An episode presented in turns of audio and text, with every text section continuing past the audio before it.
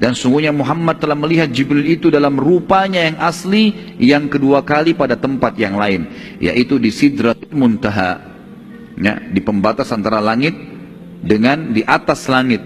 Ada arsnya Allah, ada lautan dan juga Allah yang maha tinggi dan maha pemurah. Ada Sidrat Muntaha namanya.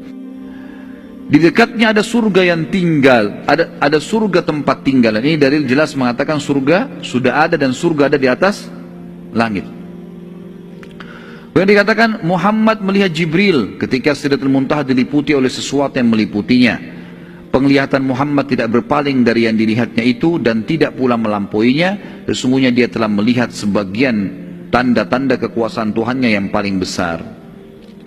Nabi SAW teman-teman setelah itu pulang ke rumah dan betul-betul merasa ketakutan, bimbang, bingung, bercamuk semuanya, berkecamuk. Tengah malam melihat kejadian ini kemudian sampai pagi. Tiba di rumah sudah mulai terang. Matahari sudah mulai terang. Mengetuk pintu. Khadijah radhiyallahu anha begitu membuka pintu melihat suaminya ketakutan, gemetar. Dan ini saya pernah jelaskan dalam masalah rumah tangga teman-teman sekalian. Ada beberapa materi di YouTube masalah rumah tangga, manajemen rumah tangga Islam, bagaimana adab seorang istri pada suaminya. Di antaranya karena bertepatan masalah ini. Khadijah radhiyallahu anha sama sekali tidak curiga, tidak menghardik, tidak menyalahkan pada dalam kondisi suami pulang pagi-pagi dan kemudian gemetaran dan keringatan seperti ini. Kadang-kadang subhanallah cuma satu tetes noda di bajunya saja dari mana nih? Sudah curiga gitu kan. Keringat sedikit kamu habis ngapain? Dan seterusnya. Ya orang jalan keringatan kan gitu. Tapi yang jelas Khadijah tidak bertanya. Adabnya tidak bertanya. Nggak ditanya apa-apa. Sampai suaminya bicara. Nabi SAW mengatakan, Zammiluni, zammiluni. Selimuti saya, selimuti saya. Saya kegigil, gitu kan. Khadijah nggak pakai tanya. Masuk ke dalam, ngambil selimut, bungkus Nabi SAW. Dirangkul, dibawa ke dalam kamar. Duduk pun, disediakan air minum, Khadijah nggak bertanya apa-apa. Ya. Diam, tunggu suaminya yang jelaskan. Setelah Nabi SAW tenang, baru Nabi SAW ceritakan, wahai Khadijah, saya melihat begini, begitu, diceritain semua panjang lebar. Sampai selesai semua dan saya tiba di sini. Inilah yang membuat saya keringatan. Ada yang datang di malam hari baju putih berbicara pada saya, memeluk saya, menyuruh saya membaca dan turunlah. Dan ada lima kalimat ini yang diucapkan. Dibacakanlah surah al-alaq Nabi Nabi SAW pada Khadijah. Kemudian saya turun dengan buru-buru dari bukit. Saya melihat poster tubuh yang besar. Wajahnya mendekat sampai dua anak panah dua busur anak panah. Dan mengucapkan kalau aku utusan Allah dan dia adalah Jibril. Aku tidak tahu siapa itu Jibril. Kemudian setelah itu Nabi SAW dengan dengan bingung bingung ketakutan mengucapkan itu sampai selesai. Sudah selesai Khadijah sebagai sebagai istri yang salihah. Wahai ummahatul mukminat. Ummahatul mukminin dengar ini. Ya kita harus tahu wahai ibu-ibu mukminin harus faham masalah ini. Maaf, istilah ummahatul mukminin untuk istri Nabi SAW. Wahai ibu-ibu ummahat uh, muslimin, mestinya kita memahami masalah ini. Apa kata Khadijah waktu suaminya dalam kondisi ketakutan tadi? Wahai suamiku, apakah engkau mengira engkau telah ditimpa sesuatu yang buruk? Gangguan jinkah? Tidak akan pernah terjadi demi Allah. Nggak mungkin kau ditimpa itu. Karena sungguhnya kamu selalu orang baik. Kamu selalu menjadi orang baik. Kamu selalu silaturahim. Kamu selalu bantu orang miskin. Dan kamu selalu memenuhi kebutuhan orang-orang yang butuh bantuan. Bayangkan teman-teman sekalian ya. Saya pernah menghadapi kasus rumah tangga beberapa orang ikhwah. Ah ini suaminya terlilit utang. Dan lagi masalah berat. Lagi hadapi masalah berat. Dan dia memang butuh orang-orang di luar ini hampir semua orang yang melihatnya di jalan dia ketakutan jangan sampai orang itu menagihnya karena bebannya masalah berat. Pulang ke rumah tidak ada lagi tempatnya kecuali rumah ini. Bagaimana dia bisa bisa minimal merasa aman sebentar sementara waktu. Dan bukan dia lari dia mau bayar tapi memang kondisinya. Waktu dia ceritakan sama istrinya yang terjadi apa? Istrinya malah menghardiknya.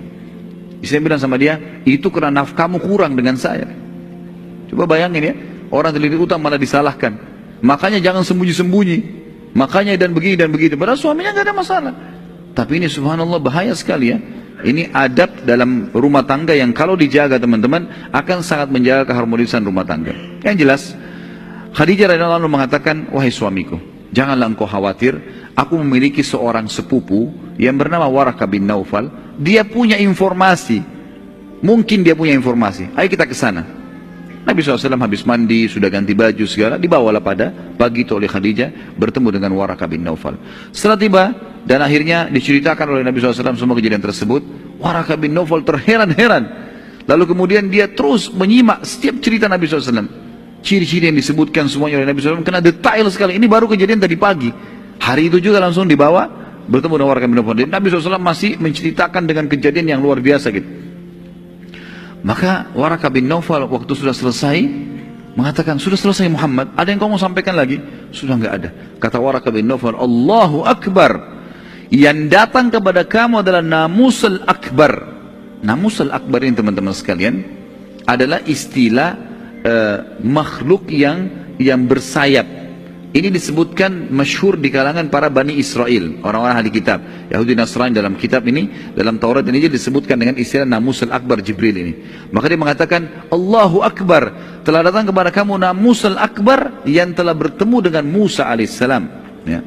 Saya berharap bila saya masih hidup saat engkau nanti resmi diutus oleh Allah, datang lagi wahyu dan kau sudah diperintahkan untuk berdakwah. Ini kan belum ada perintah berdakwah.